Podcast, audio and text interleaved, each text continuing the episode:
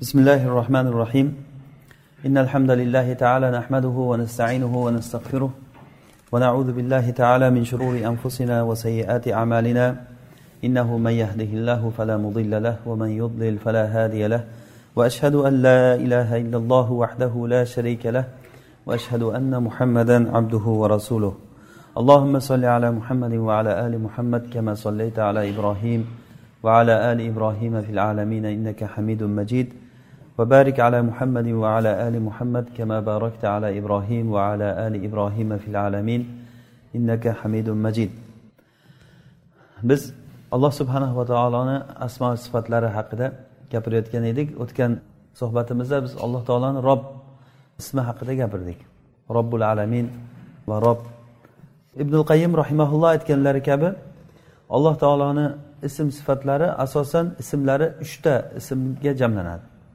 Ya'ni qolganlari hammasi shuni ichiga kiradi. Shundan biri olloh ismi keyin robbul alamin keyin uchinchisi rohmanur rohim ya'ni rohman mana shu uchta ism hamma alloh taoloni ism sifatlarini o'z ichiga oladi. O'zi bizni olloh subhanava taolo o'ziga ibodat qilishlik uchun yaratdi. Insonni o'zi yaratilishligidan maqsad inson va jinni alloh taolo o'ziga ibodat qilishlik uchun yaratgan ollohni tanimagan kishi ollohga ibodat qilolmaydi kim agar ollohni haqiqiy tanisa qanchalik tanisa ibodati shunchalik bo'ladi. Ya'ni inson qalbidagi ma'rifatiga ko'ra uni ibodati bo'ladi.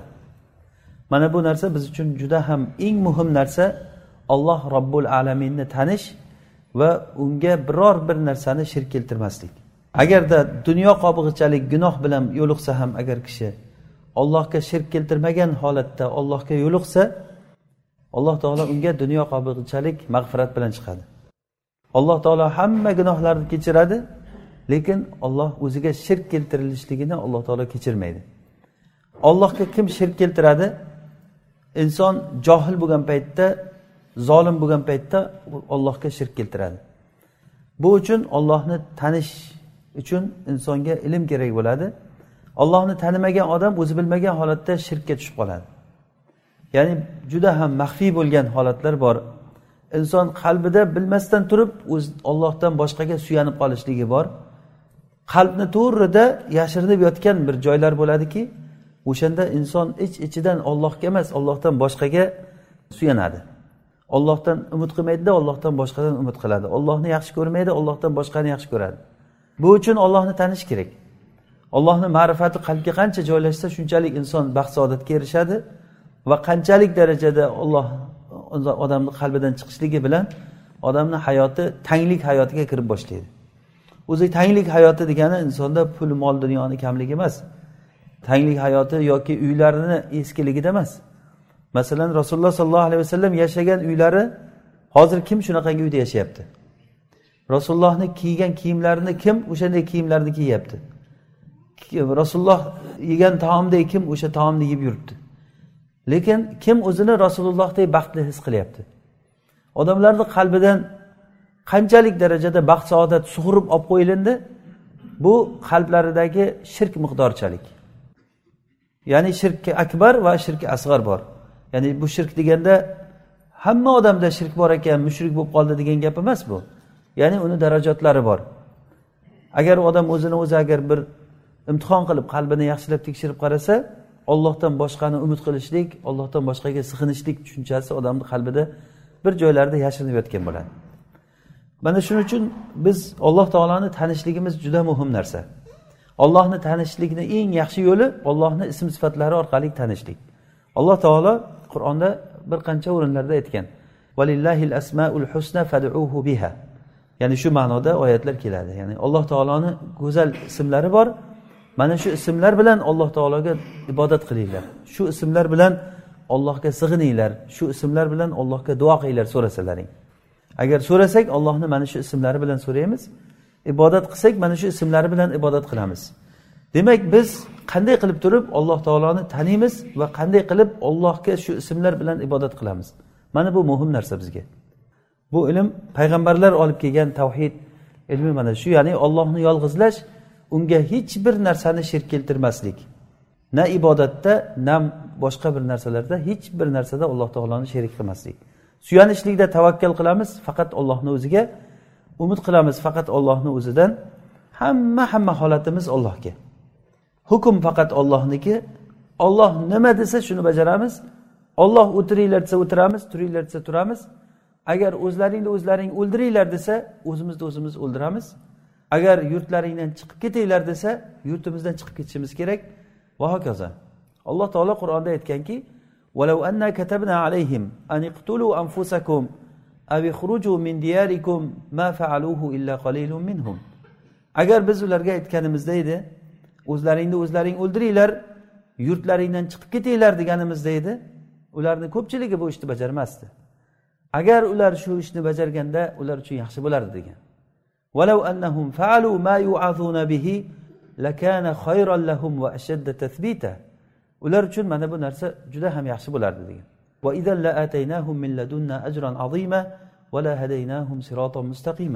mana bu haqiqiy to'g'ri yo'l shu ularga biz o'zimizni huzurimizdan katta bir ajr berar edik va ularni to'g'ri yo'lga hidoyatlar edik demak to'g'ri yo'lga hidoyatlanishlik ajr olishlik bu narsalar hammasi olloh robbil alaminga toat qilishlik barobarchalik bo'ladi. Odam ollohga taslim bo'lishligi. Buni payg'ambarlar biz uchun katta bir eng yaxshi misol olloh robbil alaminga taslimman deyishlik. Ya'ni shunday taslim bo'lish kerakki odam faqat shaklda turishida emas. Taslim bo'lishlik birinchi o'rinda qalbda bo'ladi. Qalbidan ollohga taslim bo'lishlik. Olloh nima desa shuni qilaman. Ollohni oldiga boradigan paytimda men izlab yurgan narsamni topadigan odam bo'laman degan his tuyg'u bilan iymon bilan yashaydi mo'min kishi. Bugun biz o'rganadigan ollohni ismi eng asosiy ismi haqida gapiramiz bugun. Alloh taoloni olloh ismi. Olloh ismi ya'ni bu ism olloh taolo uchun haqiqiy eng atoqlik ot deyiladi. Atoqlik. Ya'ni buni arab tilida alam deyiladi. Bizni o'zbek tilida atoqli ismlar bor. Bir odamlarga qo'yilgan ismlar shaharlarga qo'yilgan ismlar atoqli otlar deyiladi. Arab tilida ham xuddi shunday ma'rifa deyiladi bu. Ya'ni atoqli otlarni birinchi o'rinda eng atoqlisi ollohni ismi alam.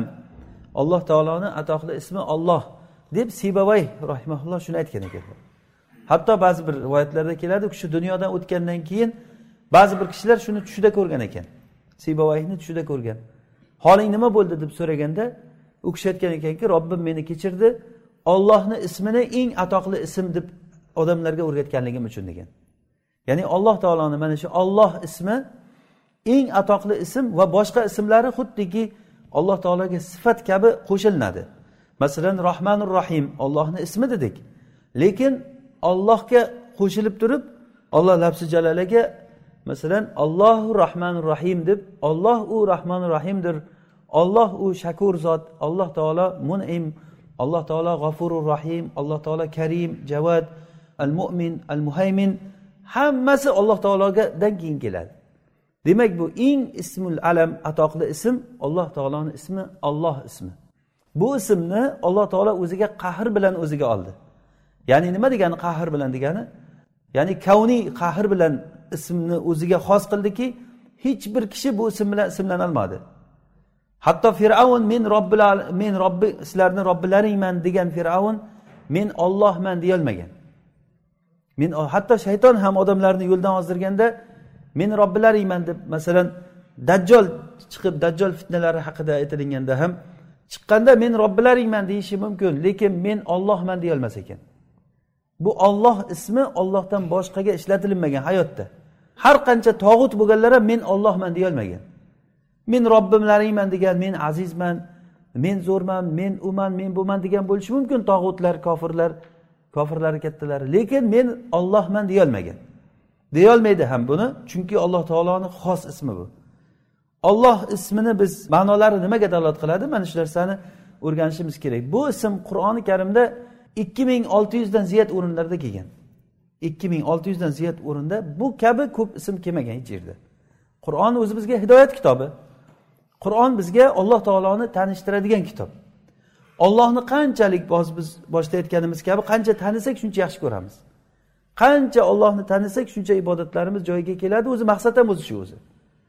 Ollohni tanishlik alloh taolo o'zini tanitish uchun kitob nozil qildi. Payg'ambar yubordi. Payg'ambardan maqsad ollohni tanitish edi. Mana bu biz uchun hozir bugun o'rganishimiz kerak bo'lgan narsa alloh taoloni olloh degan ismini ma'nolari nima? Bunda lug'at ulamolari aytishadiki olloh ismi aliha degan fe'ldan olingan degan aliha. Ya'ni bu degani ibodat qildi ma'nosi keladi. Aliha degani ibodat qildi degani olloh degani ma'luh ya'ni ibodat qilingan degan ma'noda. Masalan alloh taolo qur'onda aytadiki vahuallohu fis samavati va fil ard.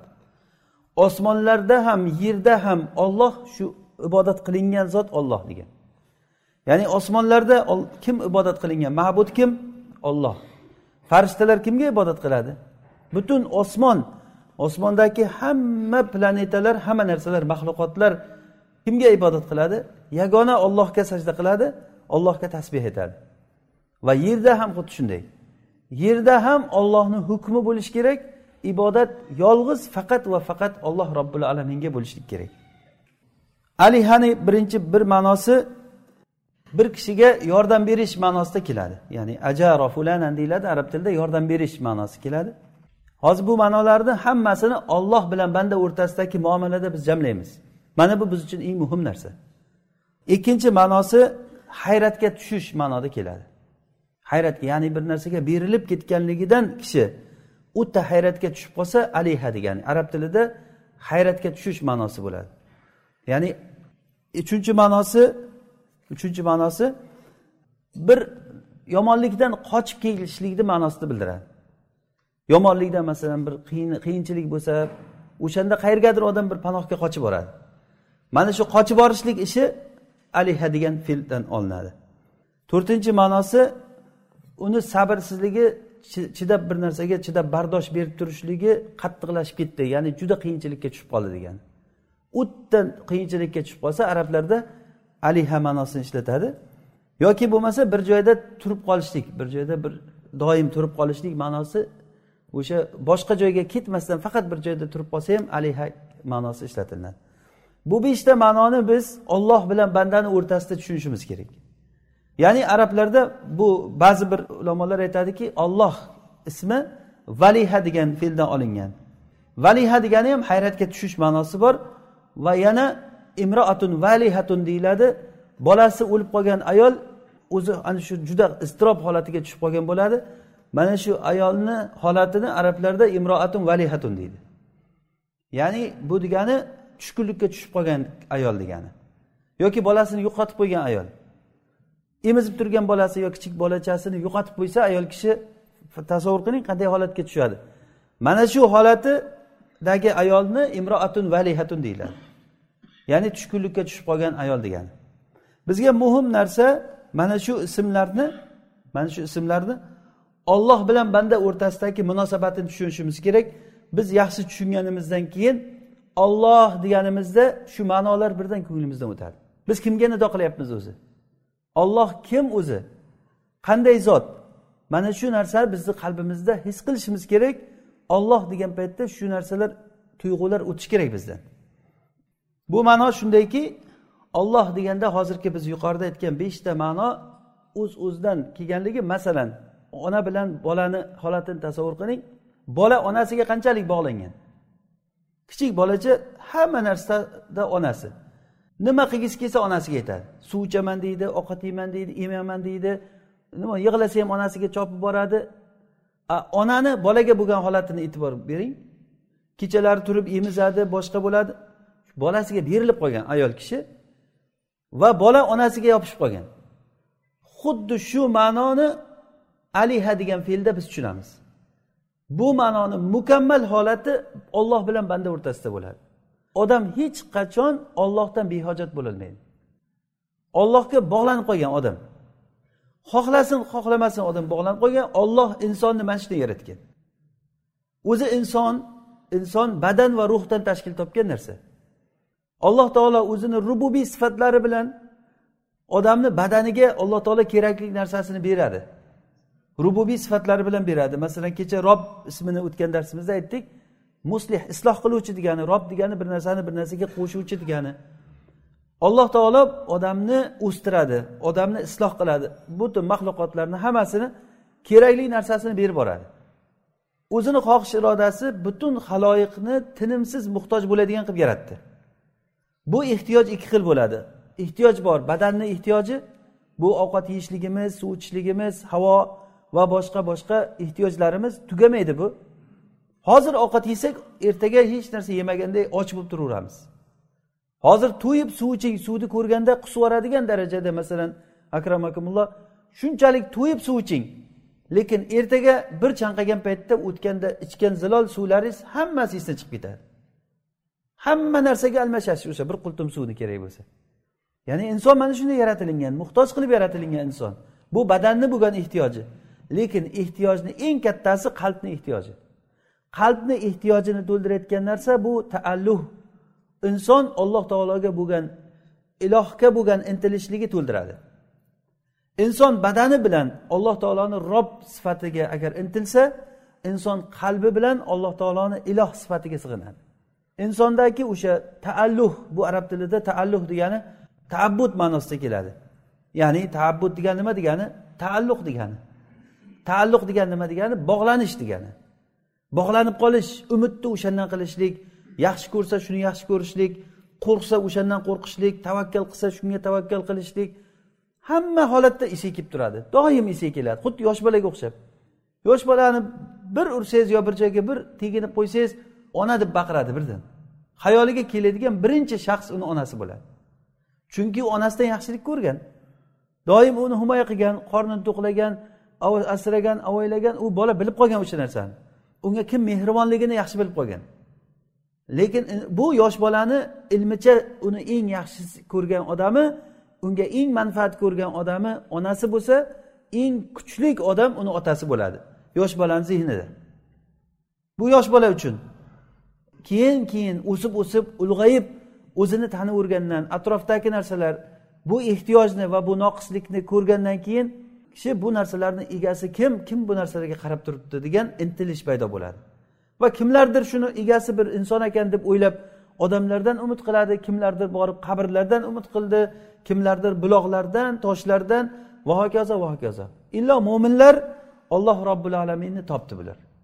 Xuddi shu ma'noni ibrohim alayhissalom yulduzga sig'inadigan o'zlarini qavmi bilan bo'lgan bahslarda xuddi shu ma'noni ularga tushuntirmoqchi bo'ldilar. Ya'ni ibrohim alayhissalom kechasi bo'lgan paytda yulduzni ko'rdilar va aytdiki shu meni robbimmi? dedilar. Sizlar sig'inib yuradigan robbim shumi meni? Keyin yulduz so'nib ketgandan keyin kunduzi bo'lgandan keyin yulduz yo'qolib qoldi. Yulduz ketib qolgandan keyin aytdilarki men ketib qoladiganlarni yaxshi ko'rmayman. Men sig'inishligim uchun ketib qolmaslik kerak u. Qanaqangi holat bo'ladi? Sig'inib yurgan paytingizda siz undan umid qilib o'tirsangiz u yo'q bo'lsa. Xuddiki haligi yordam berayotgan hozirgi kundagi arqa bo'lib turgan odamlari eng kerakli paytda ishdan bo'shab qolsa masalan bir katta mansabdagi odamga tayanib o'shani orqasidan katta katta gapirib yurgan odamlar o'sha ishonib yurgan suyangan tog'i agar ishdan bo'shab qolsa yo qamalib qolsa bu bechorani ahvoli nima bo'ladi? Hatto ba'zilari aqliy musibatlanib majnun bo'lib qolgan odamlar ham bo'ladi. O'sha paytda o'zida eshitgandan keyin hali hech narsa bo'lgani yo'q. Hali unga musibat kelgani yo'q. O'sha paytda o'zini o'zi tomirini kesgani qaysisi o'lmoqchi bo'lgani qaysisi mana shunday holatga tushib qoladi odam. Nega? Chunki u juda qattiq sig'ingan odami yiqildi. Sig'ingan odami yiqilgandan keyin suyangan tog'i ishongan bog'i yiqilgan paytda odamniki har bir odamda mana shunday ishongan tog'i suyangan bog'i bor. Har bir odamda bor bu. Olloh mana shunday yaratgan. Mo'minlar ana shu narsa mo'minni qalbidagi taalluh degan narsa bor. Bu bog'lanish taalluq degani. Bu har xil narsaga odam sig'inadi. Har xil narsaga talpinadi odam. Lekin qanchalik ollohni tanisak mo'min kishilar faqat va faqat alloh taologa intiladi. Mana bundan ko'ra katta lazzat bo'lmaydi. O'zi biz aytdikki inson badan va ruhdan tashkil topgan. Insonni badani oziq oziqlanishlik bilan rohatlansa masalan jimo lazzati bor ovqat yeyishlik lazzati bor suv ichish lazzati bor uxlash lazzati issiqlik sovuqlik lazzatlari bor. Isib ketganda masalan salqin joyga tushsa rohat qiladi salqin bo'lganda issiqqa kirsa rohat qiladi. Va hokazo inson o'zi hech narsaga bir holatga sabr qiladigan bir holatda bo'ldi men juda yam yaxshi turibman shu turishda turaveray demaydi. Doim ko'ziga naryoqdagi boshqa narsalar chiroyli ko'rinadi masalan ko'zni lazzati bor. Bu inson badanidagi lazzatlar. Lazzatni eng kattasi qalbni lazzati bo'ladi. Qalbni dunyoda ham oxiratda ham. Oxiratdagi eng katta lazzat alloh robbil alaminni ko'rishlik bo'ladi. Dunyodagi eng katta lazzat alloh robbil alaminni qalb bilan ko'rishlik bo'ladi. Agar kim qalbi bilan ollohni ko'rolsa har bir holatni orqasida olloh turganligini bila olsa masalan shunday tashqariga chiqib masalan to'lin oy kechalarida oyni ko'ring. Shunday osmonda bir katta bir narsa osilib turibdi. Muallaq turibdi. Kim ushlab turibdi shuni ayting. Kim ushlayapti buni? Yer qancha ming kilometr tezlik bilan aylanyapti. Ham o'zi u atrofida aylanyapti. Ham quyosh atrofida aylanyapti. Ham quyosh bilan birga qo'shilishligi shu quyosh majarrasi galaktikasi shuni ketyapti. Kim shuni harakatlantiryapti? Yerni shunchalik tezlik bilan o'zini aylantirib turgan kim aylantiryapti? Qanday bir kuch borki o'sha narsani aylantirib turgan. Oddiy oddiy narsalardan katta katta narsalargacha o'ylang ozroq o'tirib tafakkur qilsangiz bu narsalarni orqasida katta bir kuch robbil alamin olloh turibdi degan narsa bo'ladi. Mana shunda odamni qalbi o'z uz o'zidan ollohga bog'lanib qoladi. Ana bu ma'no taalluh degan ma'no shu. Taalluh ya'ni ollohga bog'lanish. Ollohga ibodat qilish sig'inish ollohga sig'in ana bu iloh degan ma'nodan chiqadi. Olloh degan ma'nodan chiqadi. Ollohga sig'inish bo'lmagan qalbda tang hayot boshlanadi.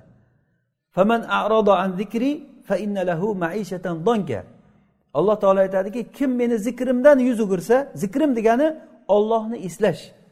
Ollohni eslamadimi unga tang hayot beriladi. Demak bu ollohni qonuni bu. Demak puli ko'p odamga rohat beriladi emas. Kerak bo'lsa o'sha pulini ko'pligi unga tanglik keltiradi. Uni mansabi unga tanglik keltiradi. Mansabini orqasidan umuman rohatlanolmaydi. Na tayinli uyqu bor na tayinli ovqat bor. Hamma lazzatdan kechib yuboradi odam. Iloji yo'q qilolmay qoladi o'sha lazzatini. Uyquda vaqtida uxlolmay qoladi vaqtida ovqat yeyolmay qoladi. Vaqtida qarindoshlarini ham ko'rolmaydi farzandlari bilan o'tirolmaydi ayoli bilan ham o'tirolmaydi. Umuman vaqt bo'lmay qoladi hech narsaga. Azob ustiga azob qochib ketay bir yerga desa hech yerga qocholmaydi. Qutulay desa qutulolmaydi. Mana bu narsa donk hayot deyiladi. Arab tilida siqilish hayoti deyiladi. Bu siqilish qalbdagi siqilish bo'ladi. Buni ketkazadigan birdan bir narsa olloh olloh degan sig'inish olloh taologa bo'lgan sig'inish qalbda taalluh degan narsa bor. Ana shu narsa insonga xotirjamlik beradi. Eng muhim narsa bizga mana shu ma'noni biz his qilishligimiz kerak. Ya'ni bu ma'noni sezishligimiz kerak. Alloh taolo mana eng oxirgi surada masalan qul auzu bi robbin nas malikin nas ilahin nas. Eng oxiri odamlarga eslatgan e, sura ha ko'p o'qiymiz judayam ilahin nas. Ilohin nas degani ilahin nas odamlarni ilohi degani. Annas kalimasi o'zi arab tilida navas degan kalimadan olingan navas. Navas degani harakatlanuvchi degani. Ya'ni to'xtamay harakatlanuvchi iztirobga tushuvchi narsani navos deyiladi. Abu navvas degani bu laqabni olgan kishi ikki yonidan sochi o'rilgan bo'lgan tushib sochi yurganda qimillab turgan. O'sha uchun abu navvas deyilgan. Ya'ni harakatlanib turganligi uchun. Demak annas bu arab tilida nas deb ismlangan sababi insonlar harakatda. Harakatni eng katta tezlik bilan eng katta iztirob bilan harakat qilayotgan narsa odamni qalbi. Qo'rquv odamdagi umid odamdagi xursandchilik va xafachilik bu narsa qalbda iztirob bo'lib turadi. Doim odamni olloh ana shunday yaratgan hech qachon abadan odam bir holatda turmaydi. Doim o'zgarishlar bo'lib turaveradi. Hali unaqangi xavf kelyapti hali bunaqangi xavf kelyapti kambag'alchilik xavfi va boshqa boshqa xavflar odamga atrofdan insonga imtihonlar kelaveradi. Hammaga keladi bu narsa. Hech kim bu narsadan xoli qolmaydi mana bu odamlarni ismi annas deyiladi. Ya'ni odamlar iztirobdagilar degan. Ana shu iztirobdagilarni davosi ilah. Shuning uchun ham alloh taolo shuni qo'shib ilahinnas degan. Shu iztirobga tushuvchilarni ilohi degan. Iztirobga tushiruvchilarni tinchlantiruvchisi al ilah olloh bo'ladi. Ala bi zikrillahi tatmainnul qulub. Qalblar ollohni zikri bilan xotirjam bo'ladi. Ollohni zikri bilan degani mana shu ma'noni biz tushunishimiz kerak. Foyda beruvchi o'zi zarar beruvchi o'zi. Yana bir muhim narsa hozir biz buni uzuq uzuq qilib aytyapmiz lekin bitta ma'noni atrofida tushunishimiz kerak. Hozir biz ikkita ikkita narsani aytdik badan va insonni qalbi. Inson ikkita narsadan tashkil topgan. Badandan va qalbidan. Mana shu qalbni iztirobini tartibga keltiradigan uni mo'tadil qilib ushlaydigan tushuncha bu narsa taabbud. Alloh taologa taalluq alloh taologa sig'inish degan narsa. Va bu narsa nima bilan bo'ladi? Alloh taoloni ilohligini tan olishlik bilan bo'ladi. Alloh taoloni ilohiyati bor ya'ni bu ilohligi va alloh taoloni rububiyati bor ollohni robligi. Buni biz qanday farqlaymiz? Masalan o'tgan darslarimizda biz alloh taoloni rububiyati haqida gapirdik. Rob masalan kecha o'tgan darsimizda rob haqida gapirdik. Rob degani isloh qiluvchi degani. Rob degani kerakli narsani berib turuvchi o'stiruvchi ma'nolari bir narsani bir narsaga qo'shuvchi degani. Ya'ni nima insonga kerak bo'lsa maxluqotlarga faqat inson farishtalarga ham masalan nima kerak bo'lsa shuni berib turuvchi degani rob degani. Iloh degani butun kamolotni butun kamol sifatlarni egasi degani iloh degani. Al ilah degani butun kamol sifatlarini egasi degani. Olloh robbil alaminni qiladigan ishlarini hammasi kamolot. Ya'ni kamolat degani komil. Unda biror bir jihatda noqislik yo'q. Alloh taolo masalan xalqini azoblaydi. Alloh taolo odamlarni shaklini hammani har xil qilib qo'ydi. Mana bu alloh taoloni ilohiyati. Iloh ekanligi ya'ni xohla xohlama menga ibodat qilasan degani. Buni bitta dalili bizni shaklimiz. Shaklimiz shunday bo'lganligi bizni ibodat qilganligimiz bir tomondan. Qani kim masalan bo'yini uzun qilib olsinchi o'zini o'zi? Yoki bo'yini uzun odam kalta qilsinchi o'zini o'zi? Hech narsa qilolmaydi. Meni shaklim falonday bo'lsin meni shaklim bunday bo'lsin hech kim qilolmaydi. Bunga aralasholmaydi. Mana bu jihatdan ibodat qilamiz allohga. Ya'ni butun koinotda uni hukmi bo'ladigan zot. Hech kim bu narsaga teskari chiqolmaydi. Xohlagan kishisini azoblaydi xohlagan odamini boy qiladi xohlaganini kambag'al qiladi. Mana bu alloh taoloni iloh ma'nosi bu. Alloh taolo xohlagan qavmiga azob beradi dedik masalan. Xuddi shu ma'noni biz tushunishligimiz uchun ikkita misolda tushunamiz. Bittasi yunus alayhissalomni misoli bittasi odam alayhissalomni misoli. Yunus alayhissalom alloh taolo u kishini bir qavmga payg'ambar qilib jo'natdi da'vat qildilar da'vat qildilar odamlar u kishiga iymon keltirmadi. Kofir bo'ldi odamlar yolg'onchisan dedi yunus alayhissalomga. Keyin alloh taolo ularga azob berish kerak deb o'ylab turuvdi bu kishi alloh taolo qavmini azoblamadi. Bu ba'zi bir mufassirlarni gapida ibn taymiya va ibn qayim rahimaulloh shu misolni keltirib aytganlar. Bu ancha bizga tushuncha beradi. Keyin yunus alayhissalom g'azab qildilarda qavmidan chiqib ketdi. Shunda nega g'azab qildilar u kishi? Nega g'azab qildilar? Alloh taolo ularni azoblamaganligiga ya'ni zannun bu yunus alayhissalom. Yunus alayhissalomni esga oling u kishi g'azabnok bo'lib turib qavmidan chiqib ketdilar. Alloh taolo unga chiq demagan edi. Alloh taolo yunus alayhissalomga buyurgan ediki sen borib da'vat qilgin deb. U kishi da'vat qilishi kerak edi. Qavmi iymon keltiradimi iymon keltirmaydimi? Olloh ularni azoblaydimi azoblamaydimi? Yunus alayhissalom ishi emas bu. In alayka illal balagh sizga faqat yetkazishlik degani xuddi shu payg'ambarlarga shu aytilingan. Rasululloh sollallohu alayhi vasallamga bu ma'no aytilindi faqat siz yetkazing. Lasta alayhim bi musaytir siz ularga musaytir ya'ni hukmron zo'ravon kishi emassiz. Iymon keltirgan odam iymon keltirsin kofir odam kofir bo'lsin. Odamlar nihoyatda ikkiga bo'linadi mo'min va kofirga bo'linadi. Biz hech qachon odamlarga shariatni yaxshi ko'rsatishlik uchun shariatdan voz kechadigan tanazzulatlarni qilmasligimiz kerak. Hikmat va maizatul hasana bahonasi bilan hikmat ishlataylik odamlarga bir maizatul hasana bo'lsin alloh taolo qur'onda odamlarni chaqir da'vat qilgin hikmat bilan va chiroyli maviza bilan odamlarni chaqirgin degan buyrug'iga amal qilib turib ollohni shariatini yashirib odamlarga ba'zi bir joylarini aytmay o'tib ketib yoki ba'zi bir joylarini noto'g'ri yetkazib odamlarga aytib nega nega nega sen noto'g'ri yetkazding? deyilsa agar men yaxshi ko'rsatmoqchi edim shariatni odamlarga. Degan odam go'yoki olloh taolo shariatda bir xunuk qilib nozil qilganki billah u odam shuni chiroyli ko'rsatmoqchi odamlarga. Bu bizni vazifamiz emas bu. Shariatga odamlar xohlasin amal qilsin xohlamasin amal qilmasin haqni to'ppa to'g'ri yetkazish kerak. Ya'ni alloh taolo xohlaydigan odamlar mana shunaqangi odamlar bo'ladi. Alloh taolo qur'onda aytganki udu ila sabili robbika bil hikmati val mauizatil hasana. Robbingni yo'liga hikmat bilan chiroyli ma'ruzalar bilan chaqirgin. Lekin o'shanda agarda siz chaqirayotgan paytda xilof chiqmasin ixtilof bo'lmasin deyotgan bo'lsa mujodala nima uchun? O'sha narsa mujodalaga chaqirdi alloh taolo aytdiki vajadilhum billatihi ahsan. Eng yaxshi bo'lgan yo'l bilan ular bilan mujodala qiling degan.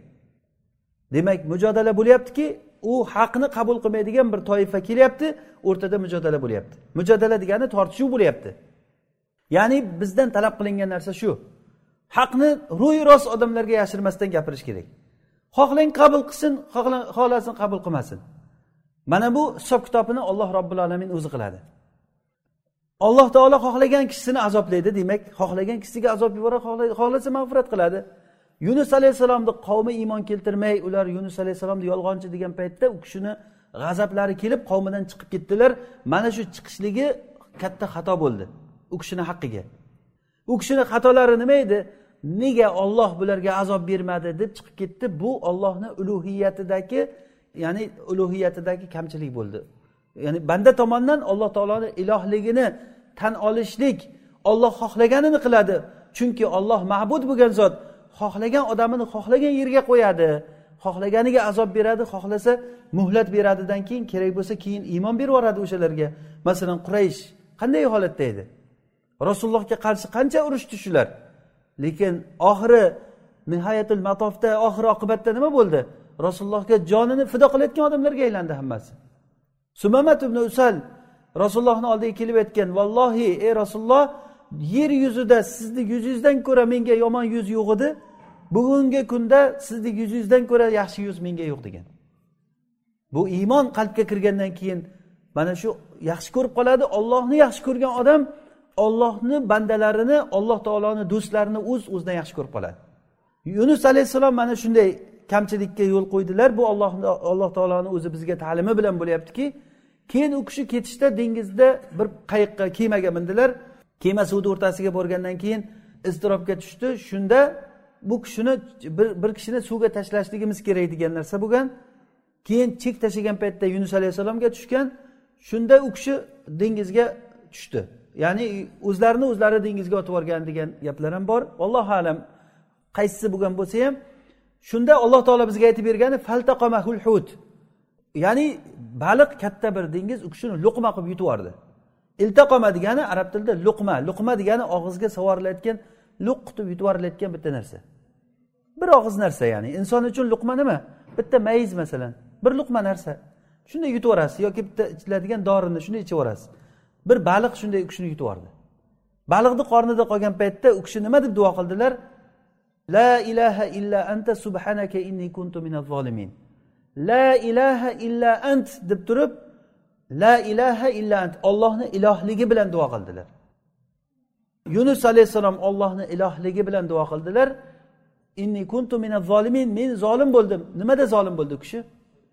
U kishini zulmi nimada edi yunus alayhissalomni? Zulmi hozir u kishini zulmi alloh taoloni ilohiyatida ollohga tan berishlik komil mukammal bo'lmadi. U kishi nima qilish kerak edi? Shu joyda turaverish kerak edi. Olloh azob beradimi azob bermaydimi unga aralashmaslik kerak edi. Oxirigacha alloh taolo mana rasululloh sollallohu alayhi vasallamga hijratga ruxsat berilingandan keyin hijratga chiqdilar. Jihodga ruxsat berilingandan keyin jihod qildilar. Nimaga ruxsat berilsa shu narsani qildilar. Nuh alayhissalom to'qqiz yuz ellik yil da'vat qildilar. Ba'zi rivoyatlarda o'n ikki kishi iymon keltirgan. o'n ikkita odam. to'qqiz yuz ellik yil ichida o'n ikkita odam iymon keltirgan. Eng ko'pi men eshitganim u yetmishta odam deyilgan. Boringki yetmishta ham deng lekin qolil bu. Bu yilga nisbatan bu xalqqa nisbatan bu juda kam bu. Alloh taolo aytyapti qalil. U kishiga juda kamchilik odam iymon keltirgan.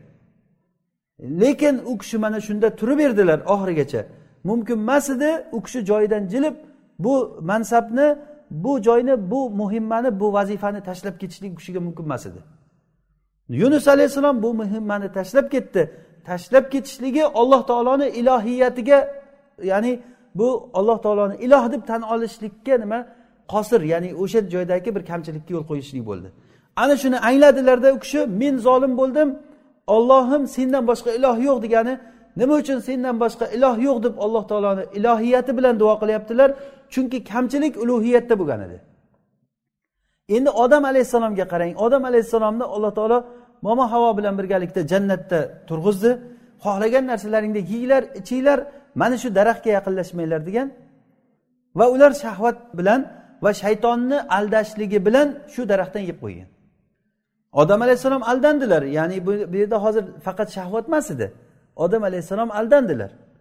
Ya'ni aldashligi shayton olloh nomi bilan qasam ichib aytdiki men sizlarga nasihatchiman shuni yesalaring sizlarga yaxshi bo'ladi deb aldadi. Odam alayhissalom o'zi olloh aytib qo'ygan edi ey odam bu senga ochiqdan ochiq dushman.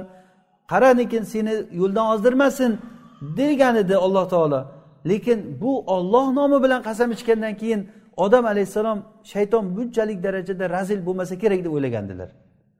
Ollohni nomi bilan qasam ichmasa kerak baribir ming yolg'onchi bo'lgan bilan. Lekin al munafiqu hibbun laim deganlaridek ya'ni al mo'min g'irrun karim val munafiqu hibbun laim. Mo'min kishi aldanadi lekin mana shu odam alayhissalomga o'xshab aldanadi. Vallohi deb qasam ichib o'tirgandan keyin aldaning mayli. Ollohni ismini qo'shib qasam ichgandan keyin mayli aldanaylik. Mayli ziyonimizga bo'lsin haqimiz ketsin mayli lekin olloh uchun ketgan bo'ladi. U kishi aldandilar. Ollohni nomini o'rtaga qo'yib qasam ichgandan keyin. A munofiq bo'lsa har qanday yo'lni tutadi. Hibbun laim ya'ni bu yolg'onchi ham pastkash bo'ladi. Buni misoli mana shayton. Muhim odam alayhissalom shu mevani yeb qo'ydilar. Alloh taolo ularni nimaga bunday qildilar qildilaring deb alloh taolo dashnom bergan paytda odam alayhissalom tavba qildilarda robbana zolamna anfusana. Ey robbimiz biz zulm o'zimizga o'zimiz zulm qildik. Bu yerda rob kalimasini ishlatyapti. Yunus alayhissalom ilohni ishlatuvdi. Odam alayhissalom robni ishlatdi. Nima farqi bor bu bu joyda hozir o'rtada? Bu biz bilishimiz kerak bo'lgan narsa shu yerda hozir. Men shuni aytmoqchiman. Ya'ni yunus alayhissalom alloh taoloni ilohligi bilan duo qildilar. Odam alayhissalom alloh taoloni rob deb duo qilyaptilar. Chunki odam alayhissalomni qilgan xatolari kamchiliklari alloh taoloni ulug'iyatiga ta'na qilishmas edi. Ollohni ishiga aralashgan yo'q edi. O'zlarini xatosi bilan bo'ldi. Shaytonga ergashib qo'yib bo'ldi bu narsa. Yunus alayhissalomniki bo'lsa alloh taolo nega azob bermayapti bularga deb g'azab qilib chiqib ketdilar.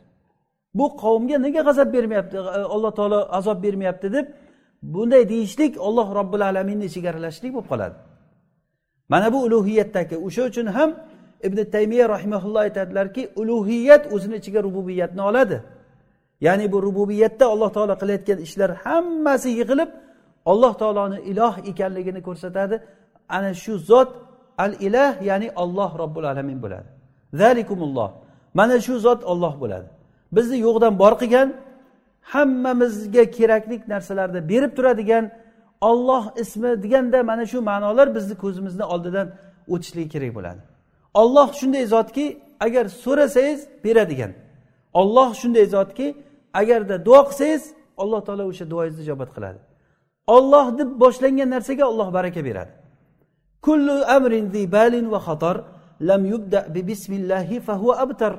Rasululloh sollallohu alayhi vasallam aytganlarki har qanday muhim bir ishlar agar olloh ismi bilan boshlanmasa u barakasiz bo'ladi kesilgan ish bo'ladi. Demak ollohni ismi aytilingan narsada baraka bor.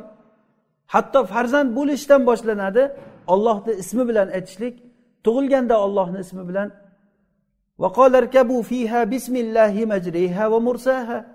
Mana alloh taolo aytyaptiki kemaga mininglar ollohni ismi bilan u kemani yurishligi ham to'xtashligi ham ollohni ismi bilan har bir narsa ollohni ismi bilan bo'ladi. Hattoki rasululloh sollallohu alayhi vasallam mana shu ollohni ismini ismul azom deganliklari rojih degan ulamolar. Ya'ni alloh subhanava taoloni shunday ismi borki agar u ism bilan duo qilsa ijobat qiladi banda. Nimani so'rasangiz ijobat qiladi. Mana bu biz mo'min kishi izlab yuradigan narsa bu. U nima ekan u? Alloh taoloni ismi ismuhul azam. Agar shu ism bilan so'rasak ijobat qiladi. Agar duo qilsak duomiz ijobat qiladi. Agar so'rasak so'ragan narsamizni beradi. U nima u? Alloh taoloni ismi olloh ismi. Ba'zi bir mana shunga hadislar o'qib bermoqchiman hozir bir ikkita hadis bu shunga misol ya'ni. Abdulloh ibn burayda roziyallohu anhu rivoyat qiladilar. Otalaridan aytadilarki rasululloh sollallohu alayhi vasallam bir kishini duo qilayotganliklarini eshitdi. اللهم إني أسألك يا الله بأنك أنت الله الأحد الصمد الذي لم يلد ولم يولد ولم يكن له كفوا أحد أن تغفر لي ذنوبي ey olloh men sendan olloh ekanliging bilan so'rayman dedi ya'ni ollohni olloh ismi bilan so'rayapti mana shu ismi bilan so'raganda rasululloh eshitib turgandilar aytdilarki bu odam shunday duo bilan duo qildiki agar so'rasa olloh beradi agar nimani duo qilsa ijobat qiladigan duo bilan duo qildilar duo qildi dedilar. Demak ollohni ismini o'rtaga qo'yib so'rashdik. Allohimma inni asaluka ya alloh bi annaka bi annaka bi annaka allohul ahadus somad allazi lam yalid va lam yulad va lam yakul lahu kufuvan ahad. Mana shu ism bilan duo qilganlarida olloh ismi bilan duo qilganda rasululloh mana shu gapni aytdilar. Bu hadisni abu dovud va ibn hibban va hakim rivoyat qilgan hadis sahih hadis ya'ni. Anas roziyallohu anhudan rivoyat qilinadi. Aytadilar bir kuni biz masjidda o'tirganimizda rasululloh sollallohu alayhi vasallam bilan birgalikda bir kishi duo qildilar. Allohimma inni asaluka bi anna lakal hamda al hannanul mannan badi'us samawati val ard ya zal jalali val ikrom ya hayyu ya qayyum ya zal jalali val ikrom deb duo qildilar. Shunda rasululloh sollallohu alayhi vasallam aytdilarki bu odam alloh taoloni ismi azam duosi bilan duo qildi. Ya'ni eng buyuk ism bilan duo qildi. Bu shunday ismki agar shu ism bilan kim nima so'rasa alloh taolo beradi. Bu ism bilan kim nima so'rasa alloh taolo o'sha narsani beradigan ism. Ya'ni mana shu yerda ham hozir allohimma deb duo qilyaptilar. Allohimma degani ya alloh degani. Buni nahu jihatidan aytilganda allohimma degani yo alloh degani. O'sha nido harfi mahzuf bo'lib turib keyin mim uni badali bo'lib kelgan allohimma deyiladi. Ya olloh deb so'rayapti.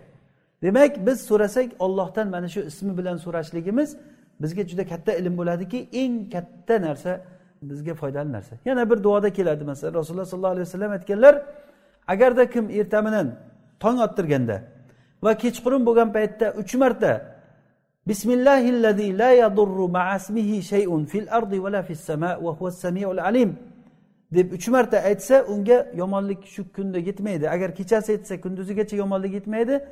Kunduzi aytsa kechasigacha yomonlik ya'ni to'satdan keladigan yomonlik yetmaydi unga degan. To'satdan bo'ladigan yomonlik unga yetmaydi uch marta. Ana shunda ham bismillah deyilyapti. Ollohni ismi bilan u shunday ismki osmonda yerda ham osmonda ham uni ismi aytilingan paytda hech narsa zarar berolmaydi. Ollohni ismi aytilingan joy hatto bismillah deb idishni ustiga bitta cho'pni qo'yib qo'ying. Ana shu yerga shayton tusholmaydi. Bismillah deb uyga kirgan uyga shayton turolmaydi. Bismillah deb yeyilingan ovqatga shayton sherik bo'lolmaydi. Ollohni ismi ana shu ismi nihoyat darajada muborak ism bu. Ya'ni muborak degani buni barakasi zohir bo'ladigan ism. Har bir narsada bu narsani biz ko'rishligimiz mumkin. Ibn taymiya rahimaulloh bir ajib gapni aytganlar. Agarda kimda kim alloh taoloni buyruqlarini taklif deb ismlasa u xato gapirgan bo'ladi deganlar. Ya'ni shunga e'tiroz bildirganlar. Taklif degani arab tilida kulfat ya'ni odamlarga bir qiyinchilik degani. Fuqaholar buni usul fuqarolar faqihlar tillarida joriy bo'lgan narsa shuki ahkamu taklifiya deyiladi alloh taoloni buyurgan buyruqlari va qaytargan narsalari. Vojib harom makruh muboh bo'lgan narsalar mandub bo'lgan narsalar ahkamu taklifiya ya'ni bizni ustimizga alloh taolo yuklagan yuklar degani bu. Ibn taymiya aytganlarki buni yuk deb ismlashlik xato bu degan. Alloh taoloni buyruqlarini biz ne'mat deb atashligimiz kerak. Bu haqiqiy tushuncha bu. Ollohni bizga buyurgan buyruqlari bu olloh taoloni rahmati bu degan. Ollohni bizdan qaytargan narsalari olloh taoloni rahmati bu. Olloh bizga rahmati bilan buyurdi alloh taolo rahmati bilan bizni qaytardi. Nimaga buyurgan bo'lsa u ollohni rahmati nimadan qaytargan bo'lsa bu alloh taoloni rahmati. Shuning uchun ham kimda kim olloh taoloni buyrug'iga itoat qilmasa qanchalik itoat qilmasa shunchalik darajada unga azob keladi. Shu dunyoni o'zida. Qanchalik itoat qilsa shunchalik rohat keladi shu dunyoni o'zida hali oxiratdan oldin. Bu aynan o'sha toho surasidagi biz yuqorida aytgan oyat kimki ollohni zikridan yuz o'girsa unga tang hayot beriladi degan. Ollohni zikridan yuz o'girishlik alloh taoloni toatidan yuz o'girishlik demak bu shariat bizga ne'mat bu. Inson johil bo'lganligi uchun shariatni ne'matligini bilmasdan shariatdan yuz o'girdi odamlar. Shariatdan yuz o'girdi bu shariat hozirga to'g'ri kelmaydi. Shariatda u shariatda bu deb ana shuni ziyonini o'zi tortadi boshqalardan oldin. Va boshqalarni gunohini o'zi yelkasiga oladi.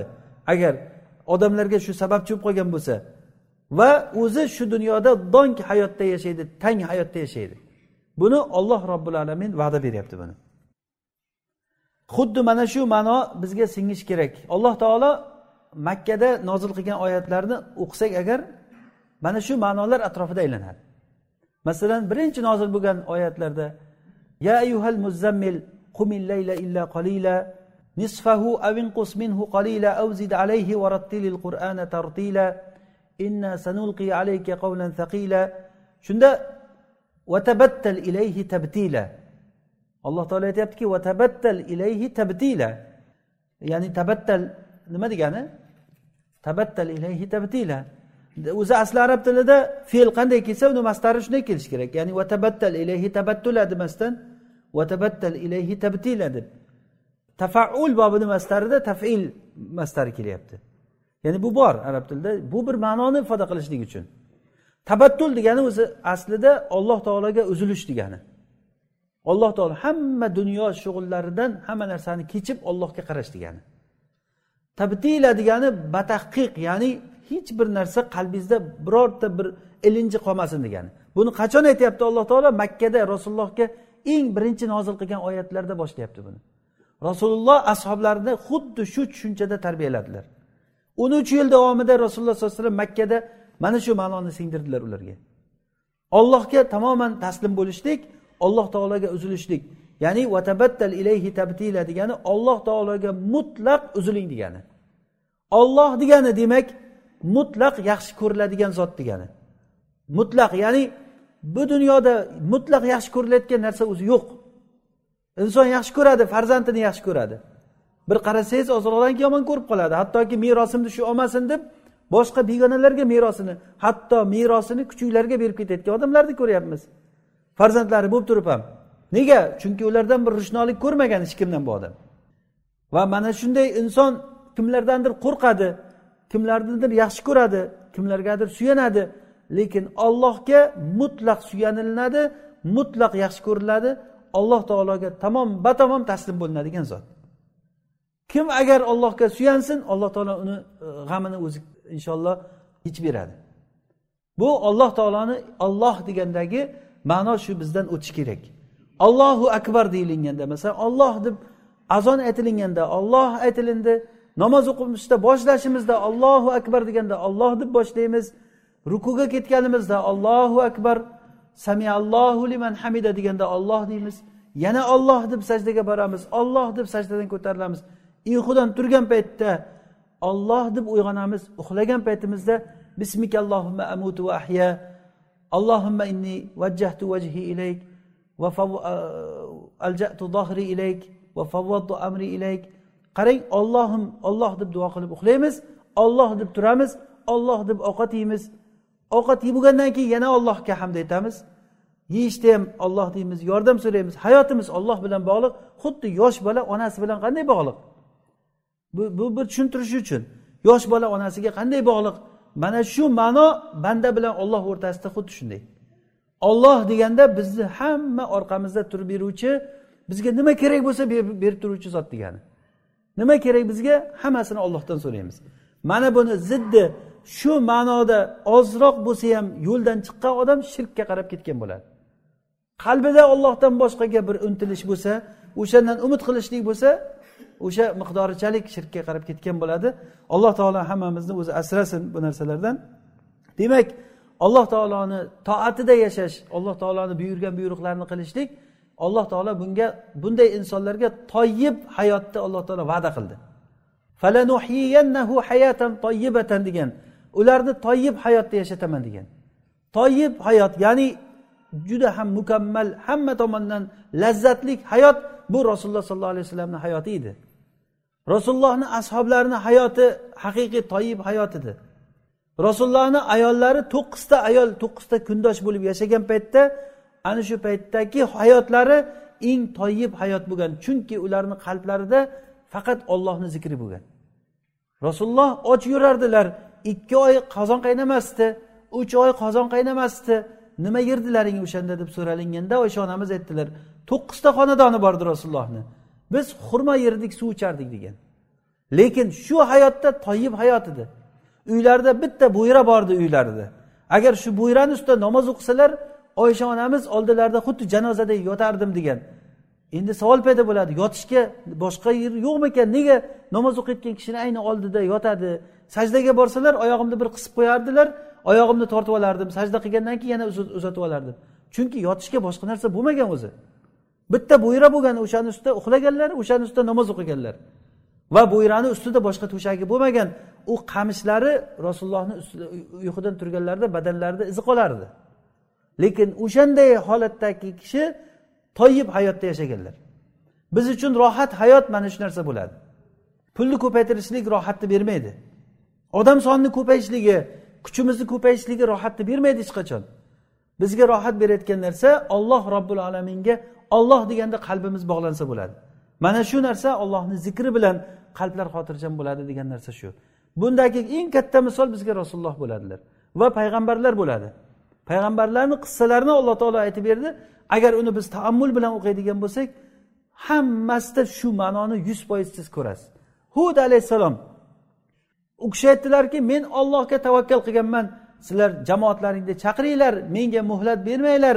Bugundan boshlab nima qilsanglar qilinglar hozirdan. Men ollohga tavakkal qilganman deganlar. Lekin hech kim u kishi u kishiga zarar berolmadi agar ummat jamlansa ham bilingki sizga alloh taolo nimani taqdir qilgan bo'lsa o'sha zarar bo'ladi.